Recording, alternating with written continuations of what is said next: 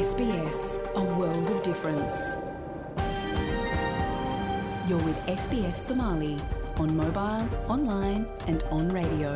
waxaad nagala socotaan s b s soomaali oo aad ka heli kartaan mobil online iyo rediyoga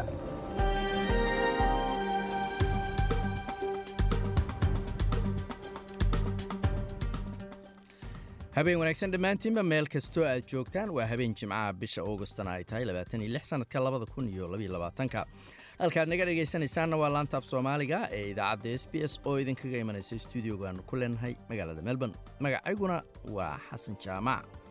Waxyaalaha aad idaacadda caawa ku maqli doontaanna waxaa ka mid ah.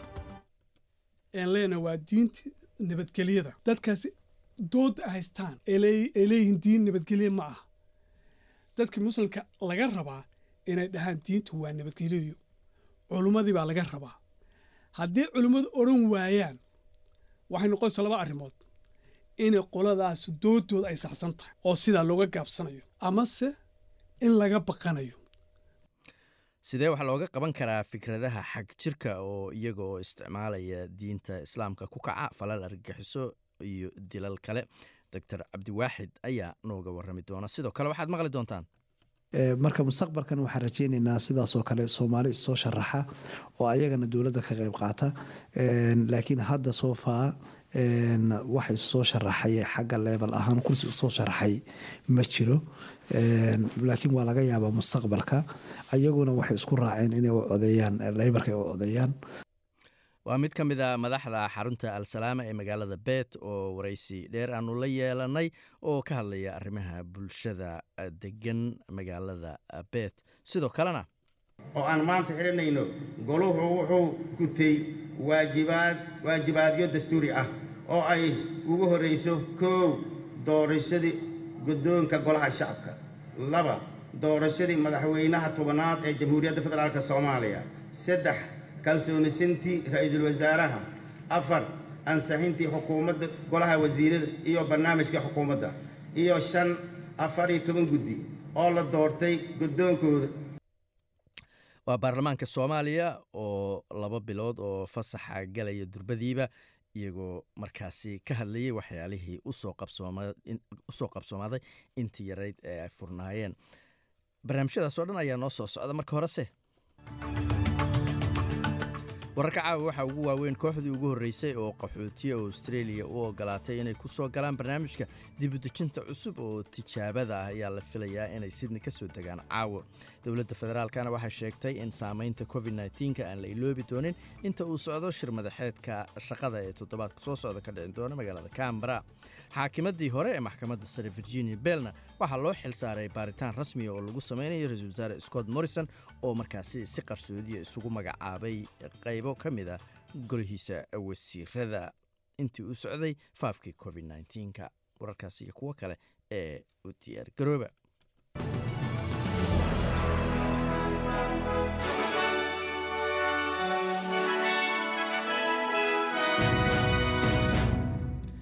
haddana waa warkii oo dhammaystiran. Kooxdii ugu horreysay oo qaxootiya oo australia u ogolaatay inay ku soo galaan barnaamijka dibudejinta cusub oo tijaabada ah ayaa la filayaa inay sydney ka soo degaan caawa. Barnaamijkan isdhexgelinta bulshada iyo qaxootiga iyo barnaamijka dibudejinta oo kaashanaya ururada jaaliyadaha ayaa ka caawinaya baa layidhi qaxootiga siday u heli lahaayeen hoy fursado waxbarasho iyo siday ku heli lahaayeen adeegyada dowladda ayna ula qabsan lahaayeen hadba meesha ay degan yihiin. Wasiirka socdaalka dalkan australia ayaa sheegay inuu rajaynayo in bilowga barnaamijkan tijaabada ah uu fursad u noqon doono in australia ay wada hadal kii hore ka duwan ka yeelato arrimaha qaxootiga. Andrew giles ayaa sheegay in australia looga baahan yahay inay ka wada hadasho sida loola dhaqmi doono qaxootiga iyo magangelya doonka maadaama buu yiri ay jiraan dad badan oo ku barakacay calamka oo dhan We know right now in the world there are more people displaced than any time in human history. Waanu la socnaa buu yidhi in maanta ay adduunka ka jiraan dadkii ugu badnaa taariikhda oo markaasi barakacay.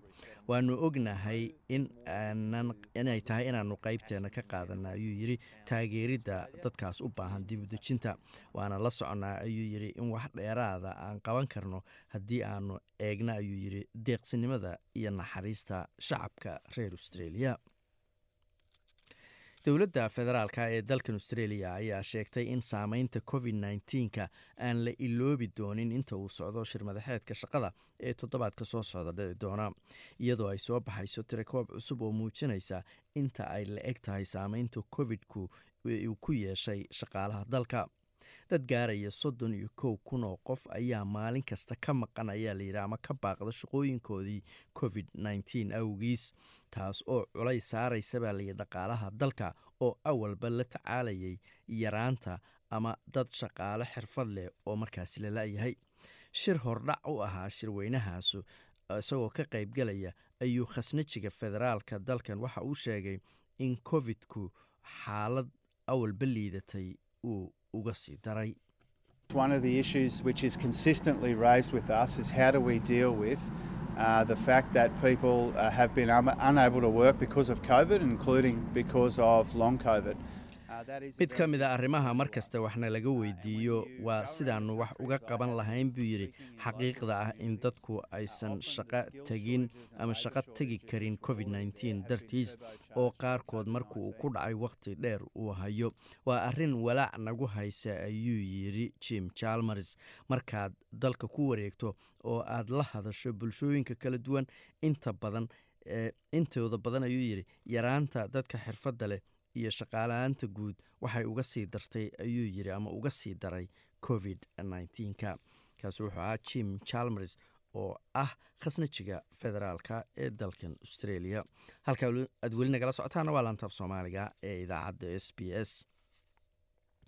Xaakimadii hore ee maxkamadda sare ee dalkan australia virginia bell ayaa loo xil saaray baaritaan rasmi ah oo lagu sameynayo la wareegidii ama qabashadii ra'iisul wasaarihii hore uu qabtay xilal wasaaradeed oo qarsoodi ahaa markii uu faafka covid nneteen-ku joogay heerkii ugu sarreeyey miss bell ayaa baaritaanka kadib warbixinteeda soo bandhigi doontaa labaatan bisha noofembar ee sanadkan laakiin maer morrison ayay u badan tahay inaan lagu qasbin inuu hortago baaritaankaasi oo markaasi su'aalo laga weydiiyo mark drivers waa xeelilaalyaha guud ee dalkan australia waxaana uu sheegay inuu u daynaya arrintaasi miss bell waxa ay ka yeelayso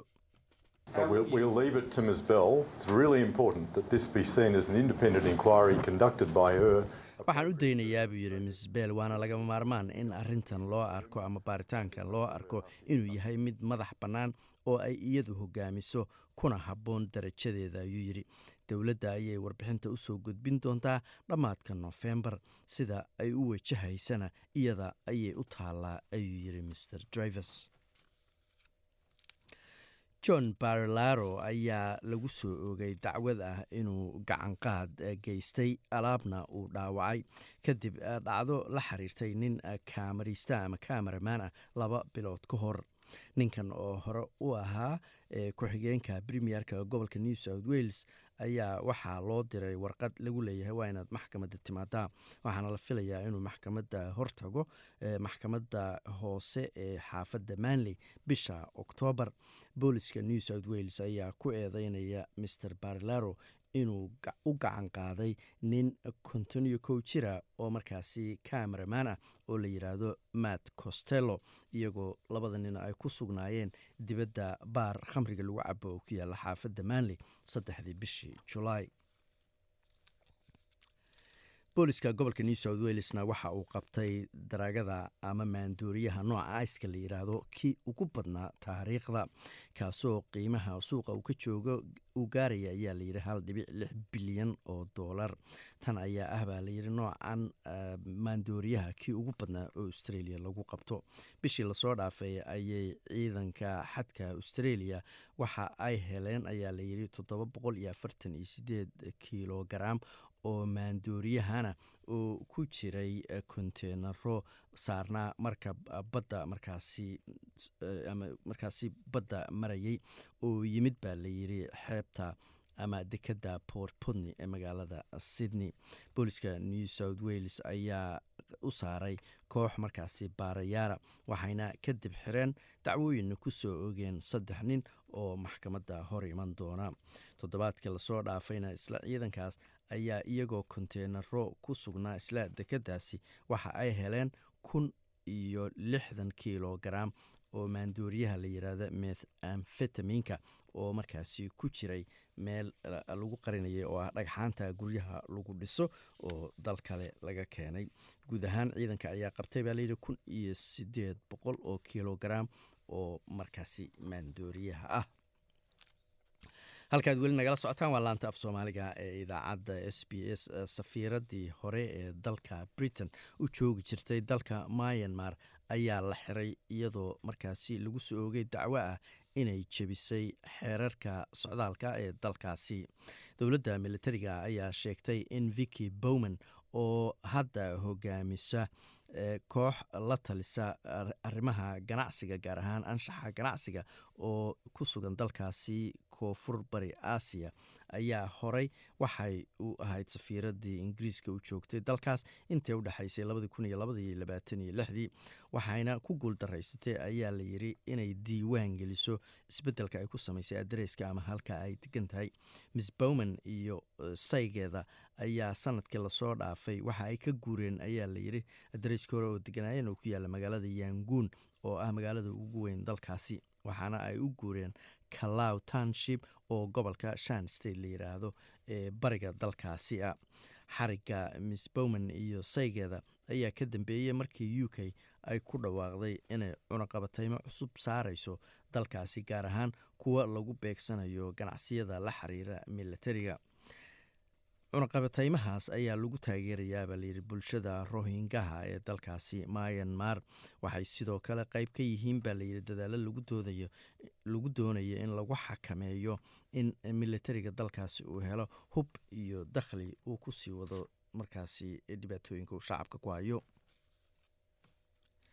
Dalka taiwan waxa ay ku dhawaaqday in booqashooyinkii dhowaan ay ku sameynayeen dalkaasi. Saraakiil ka tirsan dalka maraykanka iyo xildhibaano ay dalkaasi ka dhigtay inay ku sii adkaystaan oo markaasi ay ka go-an tahay inay isdifaacaan iyadoo wariyaasha kula hadlaysa mar ay soo dhoweyneysay xildhibaano ka yimid dalka maraykanka oo jasiiradda soo booqday iyagoo markaasi ku gacan sayray cabashooyinka ka imanaya beijing. Waa dalka chinahe ayay madaxweynaha dalkaasi taiwan sai in wen waxa ay sheegtay in booqashooyinkani ay yihiin kuwa dalkeeda dhiiragelinaya china ayaa ku doodaysa in taiwan ay dhulkeeda qeyb ka tahay taasoo ay diidan yihiin baa layidhi dowladda sida dimuqraadiyadda loo doortay ee ka jirta magaalada taibey ee caasimada taiwan.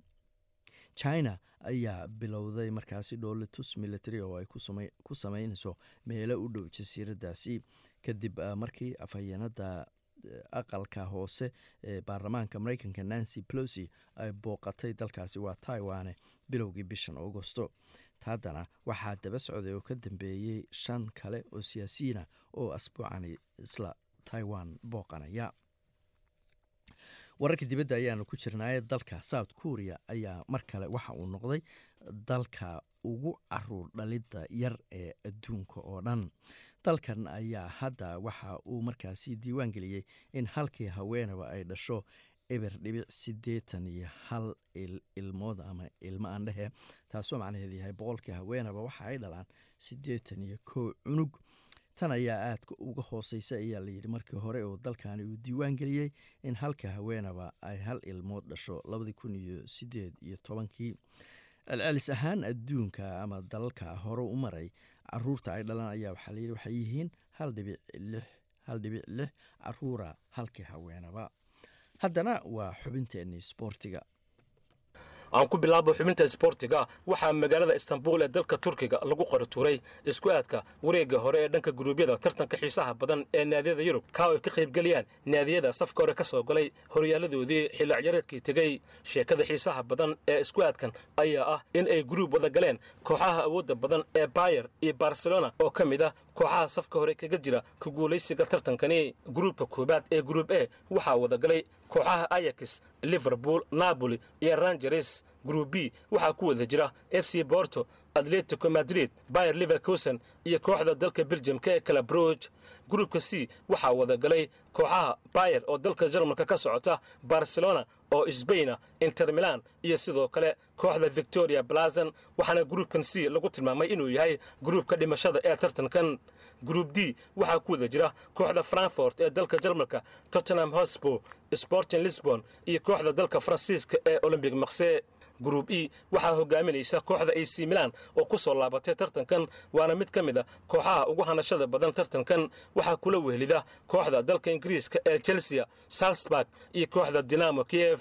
Gruub f waxaa ku wada jira kooxda ugu hanashada badan koobkan ee real madrid arbi lebzig shaktar donayski iyo kooxda celtic glasgow ee dalka scotland gruub g waxaa wada galay manchester city ashfilia brusia dortmond iyo kooxda f c copenhagen. Halka gruubka ugu dambeeya ee gruub ejna ay ku wada jiraan baris saint german yuventus benfica iyo kooxda reer israa'iil ee makabi haifi kulamada guruubyada tartankan ayaa la ciyaari doonaa lixda iyo toddobada bisha soo aadan ee sebtembar ilaa iyo horaanta bisha nofembar ee sanadkan iyadoo isku aadka wareegga lix iyo tobanka la samayn doono toddobada bisha nofembar ee isla sanadkan. Intii ay socotay xafladda samaynta isku aadka ayaa waxaa sidoo kale halkaasi lagu magacaabay ciyaaryahanka ugu wanaagsan xilli ciyaareedkii ee dhanka ragga iyo hablaha waxaana dhanka ragga loo aqoonsaday oo ku guulaystay weeryahanka kooxda real madrid iyo xulka qaranka dalka faransiiska. Ciyaaryahanka lagu magacaabo green benzema oo loo caleema saaray xidiga ugu wanaagsan qaaradda yurub sana jirkan reer faransa ayaa kula guulaystay kooxdiisii madrid koobka xiisaha badan ee uefa champions league isagoo sidoo kale xulkiisa faransa ka caawiyey koobka uefa nations league. Cod ayuu kaalinta koobaad ku noqday xidiga ugu wanaagsan qaaradda yurub ciyaaryahan green benzema halka ciyaaryahan kevin debroyn oo manchester city u ciyaara iyo xulka belgium uu isla helay cod oo keliya. Thibwa kutwa ayaa kaalinta saddexaad isla galay oo real iyo belgiumka goolka u qabta cod ayuu keenay. Dhanka tababaraha ugu wanaagsan qaaradda yurub ayaa loo aqoonsaday carolin ancelotti oo u dhashay dalkaasi talyaaniga islamarkaana leyliya isla naadiga real madrid ee uu ciyaaro xidigan ku guulaystay laacibka sanadka ee qaaradda yurub. Ciyaaryahan karim benzema dhanka hablahana gabadha ugu wanaagsan qaaradda yurub xilli ciyaareedkii tegey waxaa loo aqoonsaday xidigadda u ciyaarta barcelona iyo xulka qaranka dalka sbain ee la yidhahdo alexia butelas taa oo xilli ciyaareedkii labaad loo aqoonsaday xidigadda ugu wanaagsan hablaha kubadda cagta ciyaara ee qaaradda yurub waxaana ciyaaryahanadan weerarka ka ciyaarta ee kooxda barcelona iyo xulka qaranka dalka sbain ay kaga guulaysatay abaalmarintan. Gabadha lagu magacaabo beth med oo kooxda arsenal iyo xulka qaranka dalka england u ciyaarta iyo lena obeldorf oo wolfsburg iyo jarmalka iyana ka tirsan xubinta sboortiga s b s muqdisho.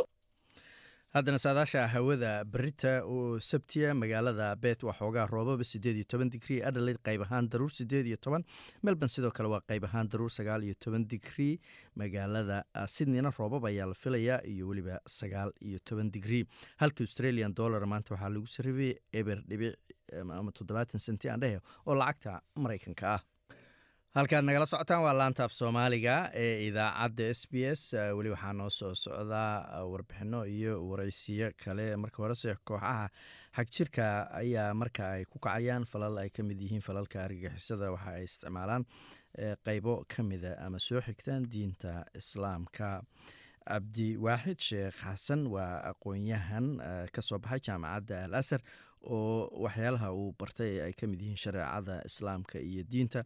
Sidoo kale shahaadada u sarreysay b h d da ayuu dalkan australia ka qaatay. Cabdiwaaxid ayaan weydiiyey bal marka hore waxyaalaha ay isticmaalaan xag jirku ama waxa keena in markaasi diinta ay si khalada u turjumaan waxaanu yidhi. Xag jirka waxaa keena waxyaalo badan baa keena. Marka ugu horreysa waxaa keena duruufa bay-adaas ka jirta duruufa xag aqooneed duruufa xag cadaalad duruufa xag faqri waxaasoo dhan baa keena xag jirnimada. Kooxaha dagaalama oo isticmaala magaca islaamka waxay sheegaan inay u dagaalamayaan oo ay isticmaalayaan jihaad ay kaga soo horjeedaan. Waxa ay ku tilmaamaan cadowga islaamka. Xaggee bay ka soo xigtaan waxyaalahaas marka maxayse u isticmaalaan inay dad kale oo muslina ama muslimya ahaan u isticmaalaan ama ku tilmaamaan inay yihiin cadowga islaamka? Horta waxaan ku noqonayaa arrinta muhiimka ah ee arrinta muhiimka ee ku saabsan maxaa keena argagixisada arrin kastoo cunfiya ama dhibaato ah ama terrorism ah horta waxaa keenta cadaalad darro ayay ku salaysantah islaamkuna waxyaalaha ugu muhiimsan ee ugu yeedho waa cadaaladda cadaaladdu waxay keentaa inuu dad ka fogaado dulmiga iyo duqyaanka ama kibirka iyo dhibaatada iyo dagaalka. Sidaa awgeed marka la hela cadaalad waxaa la goynayaa jidka wax kastoo cadaalad dare keenaya ay u marayaan. Sida inuu dadku la yimaado cunfi oo qofkii cadaalad markuu heli waayo wuxuu aadayaa dulmiga dareemaya si kastaa u dareemaya wuxuu aadayaa habab kale u arko inuu ku heli karo xaqiisa oo sharci darro ah. Waxay keenaysaa arrimahaasoo kale inuu markaa qofku xitaa heeru gaadho inuu la yimaado waxaan idhahna irhaabka ama terrorismka. Cadaaladdu marka waxyaalaha ugu muhiimsan weeyaan marka cadaaladda markaan ka hayno waa macno weynta. Waa cadaaladda dhaqaale waa cadaaladda nafeed waa cadaaladda fikir waa cadaaladda siyaasad waa cadaaladda arrimo bulsho cadaalad waa macno weyntahay marka adduunkana ama diintuba ama qawaaniintaba waxay xoog saartaa cadaalad in la helo. Cadaaladda marka la waayo ayay wax kastaba ka farcamaan oy ugu xun tahay arrimaha la leeyahay argagixisada. Ilaahay wuxuuna leeyahay marka. Ilaahay wuxuu idin amrayaa cadaalad iyo ixsaan. Ixsaan waxa weye wax ugu fiican oo biniaadan loo samayn karo. Wax kasta oo wanaaga ayaa soo gelaya cadaaladdu marka waa shayga ugu mudan oo qof kastaba siinaya xaqiisa ee dadka u garsoora. Marka la leeyahay fiiri ilaahay haddana uuna leeyahay innaga qofka bini'aadanka waxaa xoogga la saaray xitaa qof kasta waxaa la leeyahay. Waxaad u qumtaan oo isu taagtaan ilaahay dartii. Cadaaladdana ku dadaala cadaaladda markhaati u ahaada. Hataa heer waxaa la gaadhay uu qur'aankuna leeyahay qof xitaa cadow kuu ah iyayna kugu qasbin amayna kugu xabaarin inaad cadaalad darro u samayso idoo necab xitaa. Cadaalad darraha ku samayna qofkii. Marka cadaaladda ayaa asaas u ah. Australia waan u jeednaa hadda ama westernka dadkeena ku nool. Qaadigii isagoon ku jeclayn si kastaba inuu kuu jeclaanin ama diinaha kugu nibcaado ama midaba kugu nibcaado meesha kastoo ha kugu nibcaado wuxuu ku dadaalay inuu cadaaladda sameeyo because qaanuunka ayaa saa amraya inuu cadaalad sameeyo. Marka diinteennii qur'aankeennii ayaa ina baraya inaan cadaalad samayno qofka xitaa aan cadowga lahayn inaan cadaalad samayno. Marka maxaad u malaynaysa inaan cadaalad darro kale qof kale ku samayno? Oo inoo dhow oo muslimina ah oo ehelkeennina ah. Marka waxyaalahaasaa xoog keenaya in ay keento cadaalad darro. Waxaa kaloo ku xogsiinayaa xasan bay-adu ama environmentigu markay ka jirto jahli diimeed iyo jahli aqooneed faqri uu ka jiro iyo cadaalad darradoo isbiirsaday waxay keenaysaa inay dhasho wax kastoo violence keeni kara terrorism keeni kara. Argagixisaan ka sheekeynayno ah oo terrorismkaa keenaysa markaa taasa asaas u ah. Waxaana ugu daran marka argagixisada ama qofka fikradda xag jirka ama argagixisada la imanaya ama samaynaya uu saldhig ka dhiganayo diin markuu ka dhiganayo wayna ka sii darantaha diiniyan marka laga fiiriyo kooxahan argagixisada ah oo dagaalamo sidee bay wiil yar oo dhallinyaro ah oo labaatan sana aan gaarin ugu qancin karaan in naftiisana uu gooyo? Intaasoo qof oo masaakiino waxba galabsan oo qoryo wadan oo dagaalamayna uu laayo xaggee bay diinta ama maxay u isticmaalaan yararkaas inay ku qanciyaan inay sahligaan kow waad hadda sheega waxay ku qancinayaan ilmahaasi inuu fakri jiro aqoon dari inay jirto. Haddana dadka isticmaalaya ama isaguba si ay haataba ay hoos ku jirto cadaalad darro jirta ama ay dareemayaan. Waxaaso dhan baa keenaya oo isbiirsaday in ilmaha lagu qanciyo inuu wuxuu samaynayo ay sax tahay uu ku janno tegayo. Iyaga oo soo deliishanaya aayado ay ka qaadanayaan siyaaqoodii ama kontekstiga ay ka qaadayaan aayadahaas oo siday ahaayeen aynu u fasirinin. Aayadahay soo qaataan waa aayado u baahan discussion aada u muhiima waa aayado afara oo ku jirta suuratu towba laakiin waxaa muhiima islaamku waxaan leenahay waa diintii nabadgelyada. Hadday diintu islaamka nabadgelyo tahay oo dadka bini'aadanka oo dhan ay u tahay oo inay nabadgeliyo iyo violence ama cunfi ayna isku meel fadhiisan karin isku meel istaagi karin isku mid ahaan isku meel isugu iman karin. Sababto waxaa weeye waa opposite bay isku yihiin. Markay nabad timaado cadaalad ma imanayso. Ma imanayso violence ma imanayaan. Hadduu violence yimaado cadaalad ma imanayso. Maxaa markaa keenaya inay dadkana cadaalad darre ay sameeyaan inay violence sameeyaan. Illa waa cadaalad darre su'aashu waxay taagan tahay. Diinta islaamka aan aaminsannahay een leenahay waa diinta nabadgelyada. Dadkaasi doodda ay haystaan ee leeyihiin diin nabadgelye ma ah dadka muslimka laga rabaa inay dhahaan diinta waa nabadgelyo culummadii baa laga rabaa. Haddii culimmadu odhan waayaan waxay noqonaysaa laba arrimood inay qoladaas doodooda ay saxsan tahay oo sidaa looga gaabsanayo. Amase in laga baqanayo oo codku hoos loo dhigayo labadubana waa qalad. Waa diinta islaamku ma aha fikradda ay qabaan ee violensiga ma aha. Haddayna ahayn culummadu maxay codkooda kor u qaadi waayeen oo marka ay timaado arrimahan ummad dhan oo carruur leh oo hooye leh oo dad masaakiin meel iska fadhiya la isku qarxinayo oo ilmaha lagu soo biceeyey inuu janno ku tegayo oo ka ka dambeeya uu leeyahay jannaad ku tegaysaa maxay culummada dadka muslimka uga tegayaan? Waxaan kuu sheegay xasan dhibaatada soo taagan waxay tahay muslimka hadda haysata. Haddii xitaa soomaaliya degto waxaa ku soo socda arrimo aad iyo aad u muhiima oo waaweyn oo haddiina culummadu hadda isu taagin oo tanoo kale ayna dejinin arrimo ka weynaan bay iman karta. Waxay arrintu tahay maxaa arrintaas u dhacday baa tahay tourismka. Haddaan diintii waan ku celinayaa aan nabadgelyo inay taan sheeganayno. Haddaan leenahay oo maa maxay? Qur'aankuna haddaad fiiriso. Awalkiisa ilaa akhirkiisa waxa wuxuu ku bilaabanayaa wada hadal dialogue dadka ula hadlayo. Dood qancin ayuu ku bilaabanaya uu la hadlayo caqliga qofka ula hadlayo. Xujooyin maarata uu hordhigayo wax yaalaha shubahaadka qof bilaadanka maskaxdiisa aan yani ku wareegaysana aan saxda ahayna uu ka tirtirayo uu ku qancinayo inay waxay si waxu jiraan xaqaa'iqda u caddaynayo. Marka haddii saati oo doonta islaamku saa tahay maxaa arrintan ay muslimiinta ama soomaaliya si gooniya maxaa u jiitamaysa? Maxaa dooda culimmada isu taagi weyda aniga sheekada ugu maysan maanta aan doodeeda ku saabsan tahay. Waa taa weeyaan. Marka qur'aanku ina leeyahay qur'aankan wuxuu u hanuuninayaa ta saxda ah maxaa ta saxda ee nabadgelyada iyo jacaylka iyo wanaaggaasa dadkii loogu beeri waayo oo nimankan kale ee dadka qarxinaya doodooda looga adkaan waayo waa meesha wax jirta. Waxyaalaha muhiimka waxa weeyaan uu ilaahay ina leeyahay haddana fa aaminuu billahi wa rasuul wanuur aladii anzalna waa nuur baan u soo dejinay. Ilaahay rasuulkiisa rumeeya iyo nuurkan soo dejinay.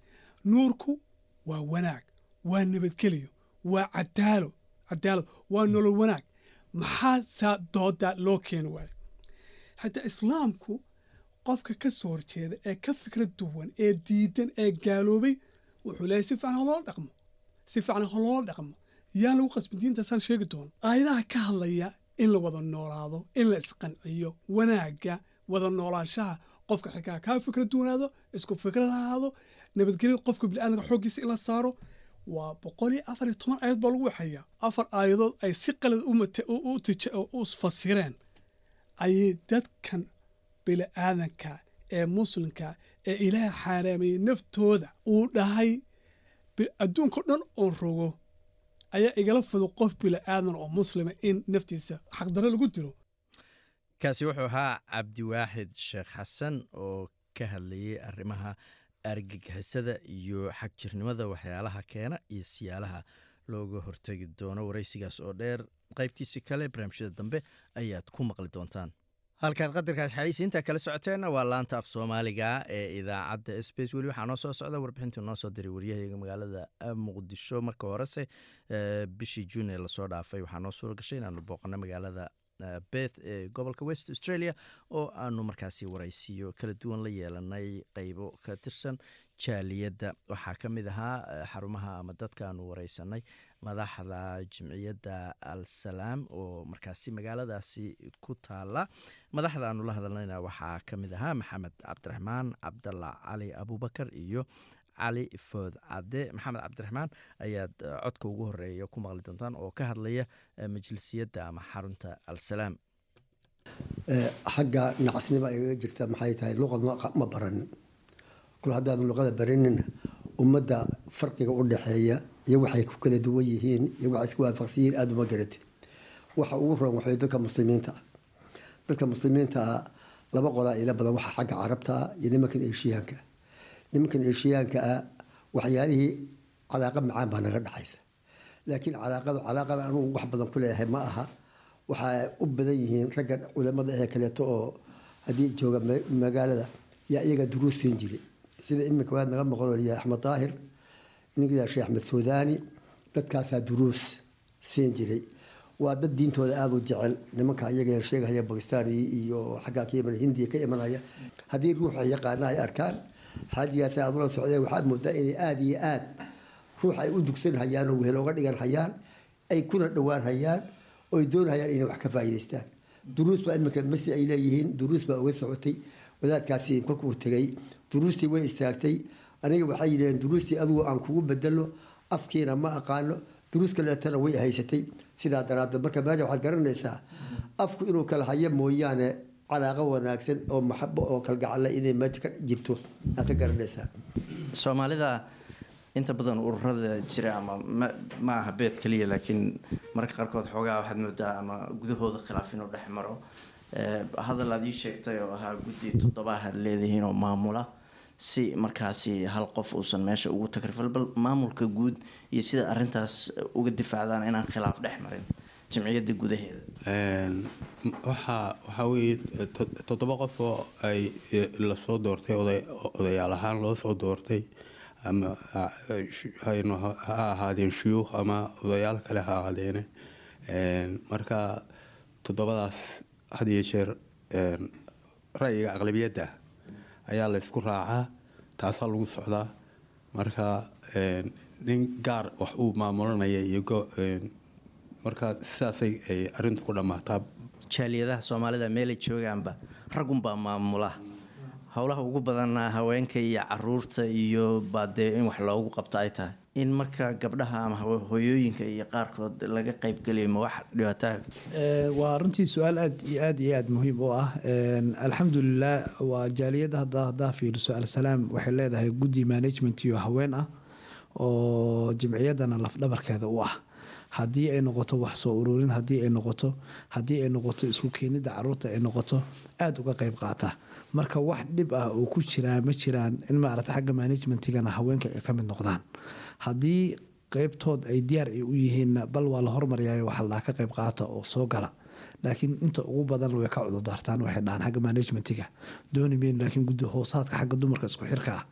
Baan rabnaa inaan maaragta ka mid noqono waa gartay guud ahaan jaaliyadda soomaalida qurbaha dhibaatooyin badan baa laga sheegaa. Nin odaya tahay magaalada waa deganayd maxaad is leedahay dhibka ugu badan oo qurbaha soomaalida? Inta aada maqashay iyo inta adigu aad aragtay ka haysata waata carruur wax la barahayo oo meel taxfiid qur'aan la keenhayo wixii meesha ka muuqda oo carruurta la halgamahaya waa dumarka.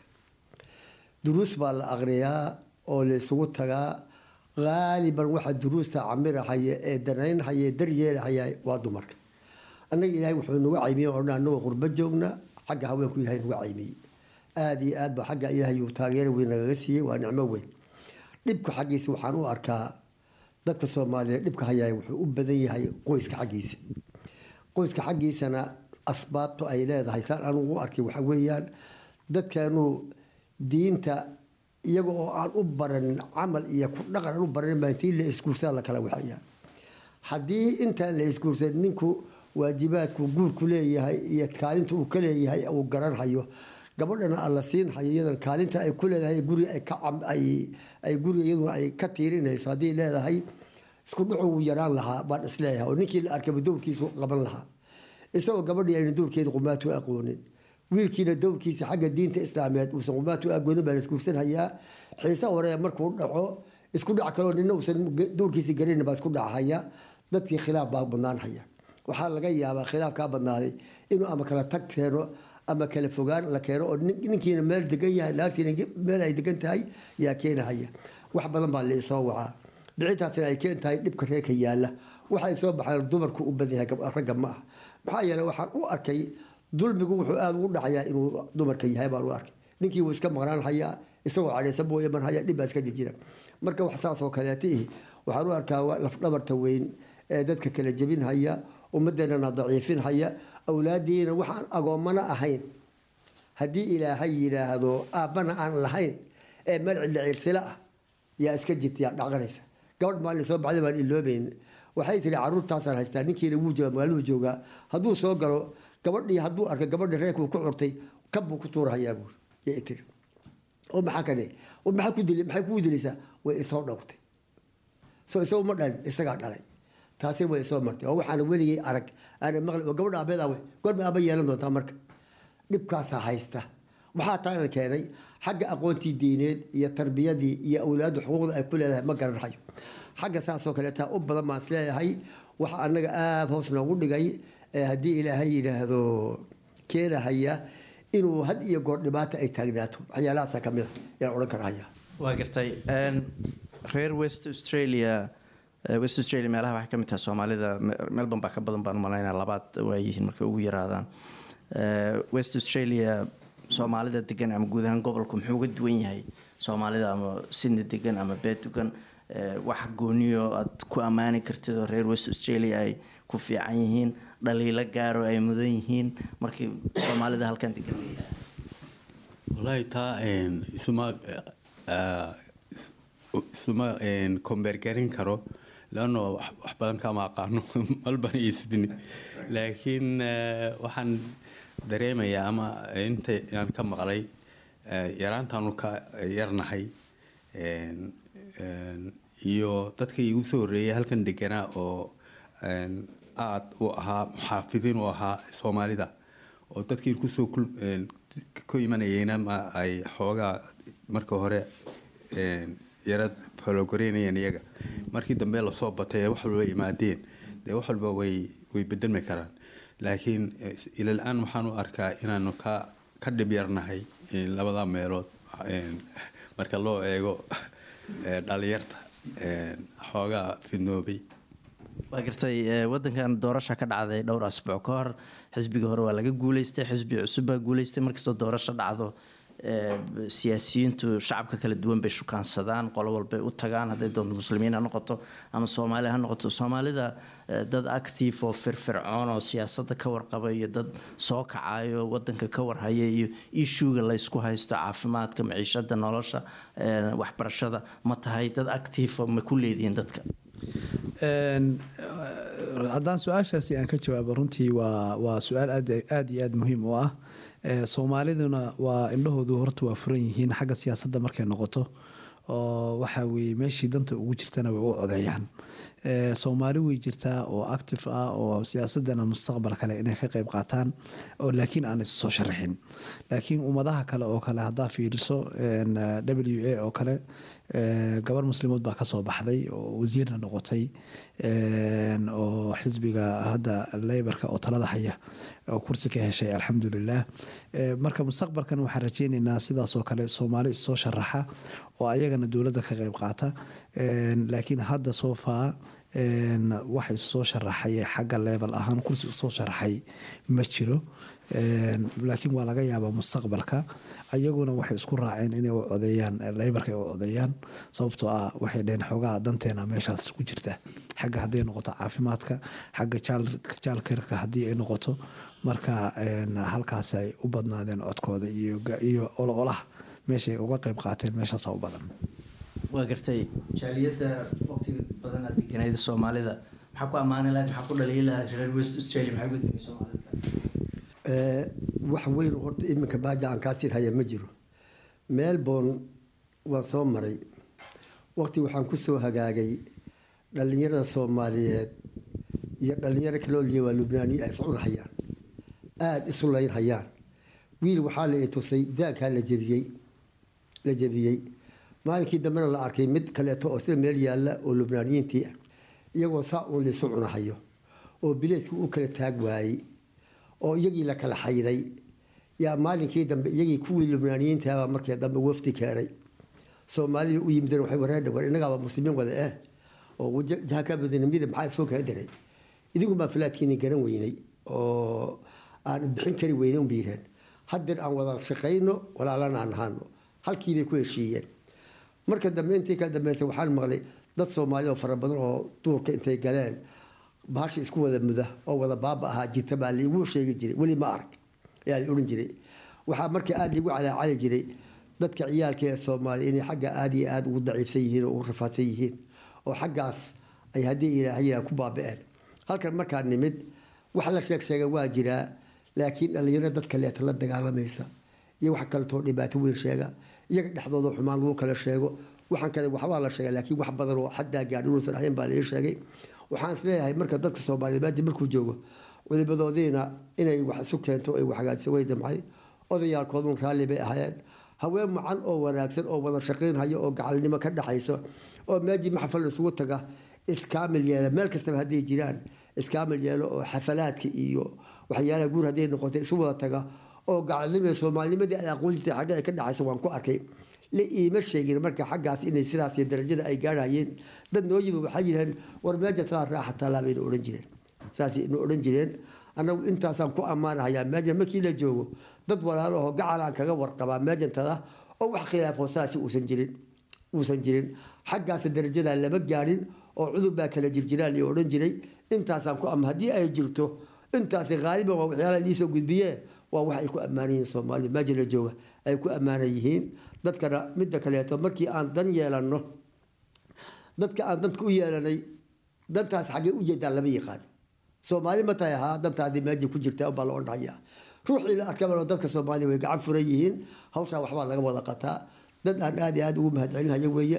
Ilaa inaa noo barakeeyo wax barakaysanaa soo geliyo sidaasaan anugu ku ogahay inta. Maxaa kula talin lahayd jaaliyadaha kala duwan ee wadanka degan ama reer west australia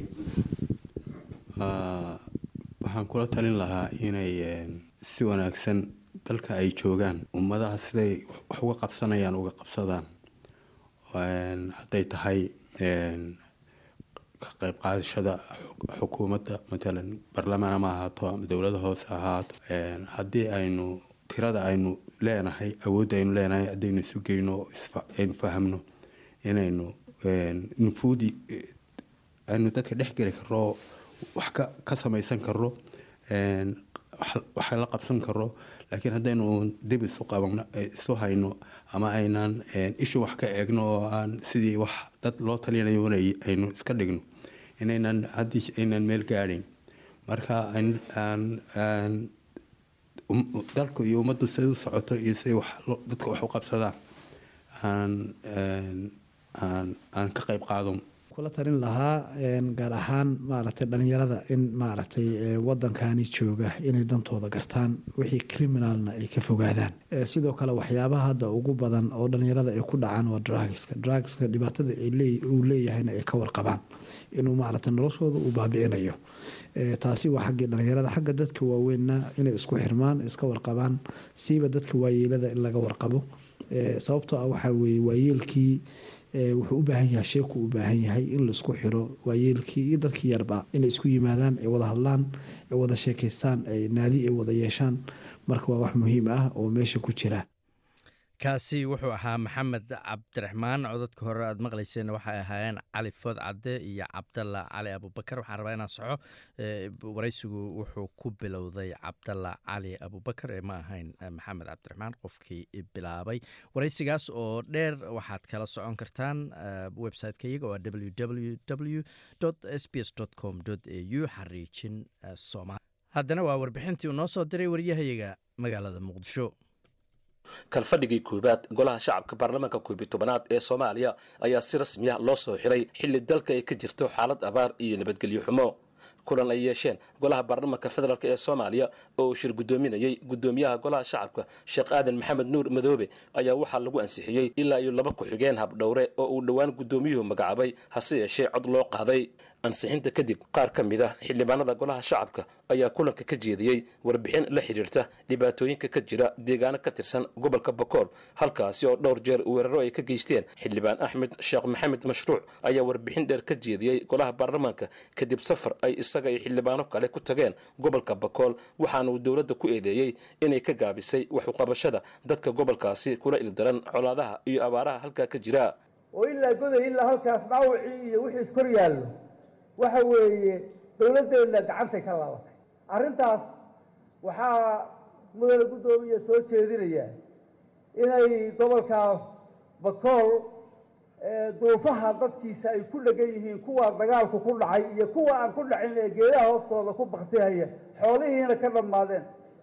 Dad soo barakacay oo ka soo barakacay ilaa xudur ilaa garas weyne ilaa moologaabey oo tegey ilaa tiyeglow oo meeshay ku qaxeen naxabad ku qabsatay oo geedaha hoostooda ku baktiyaya ayaa jira. Arrinta dalkeenna iyo dadkeenna ku jiro oo aan maanta xamar oga samaynayno haddii aan qorshe dhaba kala nimaano oo inagu qoryaha aynan qaadanin oo inagu dadkeenna aynan isku qaybinin oo inagu deegaanadeena isku qaybinin oo inagu aynan hogaaminin oo aynan heedaha amniga iyo kuwa fulinta ku kontaroolin waxa weeye duruufahayna haysta kama bixi karno. Si aan ooga baxno dalkeenna u badbaadinno innaga lafaheenna aan u badbaadinno oo maalinba mid innaga ka mida aan qarax loogu dilin waa inaynu tala dhaba gaadhno sidoo kale kulankan ayaa waxaa lagu doortay guddi ilaa iyo shan xubnood ka kooban oo ah guddiga horjoogtaynta dib u eegista dastuurka iyada oo howlaha horyaala guddigaasina lagu sheegay inay ka shaqeeyaan dardargelinta howlaha dib u eegista dastuurka kumeelgaarka ahi. Xildhibaan xuseen iidow oo ka mid ah xubnaha guddiga ayaa sheegay in xildhibaanadu ay ka shaqayn doonaan sidii loo dhammaystiri lahaa dastuurka qabyada ah maadaama qodobkaasi uu yahay midka ugu muhiimsan howlaha horyaala dowladda federaalk ee soomaaliya ee xilligan golaha shacabka baarlamaanka federaalk soomaaliya maanta waxay doorteen xubnihii guddiga korjoogtaynta geedi socodka dastuurka oo dabcan noqon doona guddigii baarlamaanka u qaabilsanaa geedi socodka dastuurka dalka oo in muddo ah soo jiitamayey waa mas'uuliyad aad u adag waa mas'uuliyad ximbaarsan waddanka in hore loo wado. Waa mas'uuliyad waddanka muhiimad weyn u leh xilliga lagu jiro oo dhammaystirka dastuurka uu aad muhiim u yahay. Dabcan waxaan la shaqayn doonaa xubno kale oo aqalka sare laga soo doortay oo shan ah. Tobankaas xubnoodna waxay ka wada shaqayn doonaan korjoogtaynta geedi socodka dastuurka oo runtii gebagebo maraya oo baarlamaankii tobnaad iyo baarlamaankii sagaalaadba ay aad uga soo shaqeeyeen. Waxaan rajaynayaa in muddo xileedkan baarlamaanka sanadkiisa koowaad ama lixda bilo lixda bilo ugu horreysaba lagu soo gebagabeeyo arrinta dastuurka oo muddo dheer soo socotay waxaan ummadda soomaaliyeed u ballan qaadaynaa mas'uuliyaddaas wadareedka ah oo aan anigana qofka ka ahay. Saaxiibaday kalena ay la wadaagaan. Inaan ka soo dhalaali doonno baarlamaanka soomaaliyeedna mas'uuliyadda ay nagu aamineen inaan si hufan u qabsan doonno guddoomiyaha golaha shacabka sheekh aadan maxamed nuur madoobe ayaa gebagabadii waxa uu ka hadlay xiritaanka kalfadhiga. Mudanayaal waa mahad alleh inaan maanta aan u kulansannahay xiritaanka kalfadhigii koowaad ee golaha shacabka baarlamaanka koob tobanaad ee soomaaliya.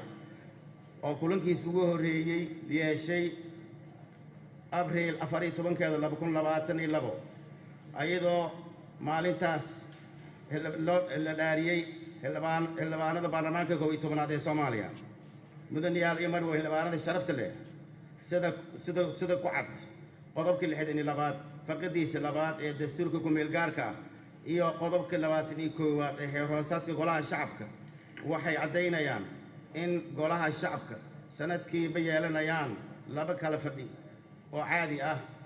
Iyadoo kalfadhi kastana uu soconayo muddo afar bilood ah guddoomiyaha ayaa dhanka kale waxa uu tilmaamay howlihii adkaa ee ay soo qabteen baarlamaanka intii lagu guda jiray kalfadhigii koowaad ee golaha shacabka isagoona xubnaha baarlamaanka ku booriyey in ay muddada fasaxa ay ku jiraan ay deegaanadoodii ka keenaan warbixino. Intii aan ku guda jirnay kalfadhiga koowaad oo aan maanta xihanayno goluhu wuxuu gutay waajibaad waajibaadyo dastuuri ah oo ay ugu horrayso koow doorashadii guddoonka golaha shacabka. Laba doorashadii madaxweynaha tobanaad ee jamhuuriyadda federaalk soomaaliya. Saddex kalsoonisintii ra'iisul wasaaraha. Afar ansixintii xukuumadda golaha wasiirada iyo barnaamijka xukuumadda. Iyo shan afar iyo toban guddi oo la doortay guddoonkooda guddoonkooda la doortay guddoonkooda. Guddoomiye guddoomiye ku-xigeen iyo xoghayaa loo doortay. Sidoo kale maanta maanta waxaan doorannay xubno shan ah oo inooga mid noqonayo guddiga la socodka dib u eegista dhaqangelinta dastuurka oo ayna la wadaagno aqalka sare. Mudane almarweyn maanta markaan kalfadhiga koowaad xidhno xildhibaanada waxay galayaan fasax muddo laba bilood ah. Si waafaqsan qodobka labaatan iyo koowaad farqadiisa saddexaad ee horaasadka golaha shacabka. Muddadaas ay xildhibaanada fasax ku jiraan. Xildhibaan walba waxaa waajib ka saaran yahay in uu deegaan doorashadiisii dib ugu laabto oo ka soo diyaariyo warbixin maadaama aanu ognahay in ay jiraan arrimo badan oo hortabin u leh deegaan walba. Xildhibaanada sharafta leh kalfadhigeeni koowaad ee golaha shacabka waa inoo xihan yahay kadib xidhitaanka kalfadhiga koowaad ayaa qaar ka mid ah xildhibaanada waxa ay muujiyeen sida ay ugu kala aragti duwan yihiin waxyaabihii ama hawshii la soo qabtay intii uu furnaa kalfadhiga waxaana ay isu jeedinayeen eedo kala duwan. Xildhibaanad raysal qorane ayaa ku eedeysay guddoonka baarlamaanka in uusan dhexdhexaad ka ahayn gudaha mudanayaasha. Waxaan odhanayaa marka labaadna guddoonka iyo guddoonka iyo labadiisa guddoonba inay dadka si daacada ugu shaqeeyaan. Si daacada oo baarlamaanku iskugu mid noqdo oo dadka ay si daacada ugu shaqeeyaan baan odhanayaa wax badan baa la kala tirsanayaa waxyaabo badan baa jira. Baarlamaanku wax badan buu tirsanayaa ama qaar dhinac la geliya ha noqdeen. Ama dad inta mooshinkeena dadna laga qabanaya dadna aan laga qabanayn ha noqdeen. Ama ha noqdeen xeer hoosaadkeeda la leeyahay. Heblaayaha waa saan iyo heblaayaha waa saan iyo waan odhanayaa intaas uu sii dhaafi mahayo wax badan baa jira. Dadkao dhanna waa ogyihiin. Waxaan odhanayaa markii la soo noqdo insha allah haddii ilahay idmo guddoonku si daacada dadka ugu shaqeeyo waxaa loo fariisiyey meesha inay dadka si daacada ugu shaqeeyaan looma fariisin inay qof gooniya ama dad gooniya dadna ataagaan dadna is ataagaan waa arkaysaan maalinkii dhoweyd madaxweynihii qaranka ee hadda ka degay kursiga xilliga dhow ka degay kursiga waad arkayseen qodob dastuuri ah oo saxa oo xalaal ah oo uusan qofna ka baryin qofna uusan magan uga ahayn ay tahay qof kasta madaxweyne kasta markuu xilka ka dego uu leeyahay kursigiisa baarlamaanka uu leeyahay qodobka lixdan iyo afraad farqadiisa afraadna ay sheegayso in la yidhi ha loo codeeyo. Sharci ma aha saxna maahan dawna ma ahayn ha loo codeeyaa la yidhi. Waa loo codeeyey baarlamaanka waxaa ka daran guddoonka. Runtan ka hadlayaa moogta. Waxyaabahaasoo kale lama rabo. Annaga guddoonka annagaa dooranay. Guddoomiyaha saddexda guddoon ba annagaa dooranay. Waxaan u fadhiisanay meeshaas inay yihiin. Guddoomkii baarlamaanka oo halkaa fadhiisan lahaa inay yihiin baan u fadhiisanay waxaan u fadhiisanay u doorana inay dad dalka u shaqeeyaan. Waxaan u fadhiisanay halkaas oo ay noogu fadhiyaan. Waa garsoor qof garsoor ah oo dadkaas inuu u garsooro waa garsoorayaal. Inuu dadka u garsooro u fariisinay umaanaan fariisinin. In qofkii hadla la ataago midna loo qoslo.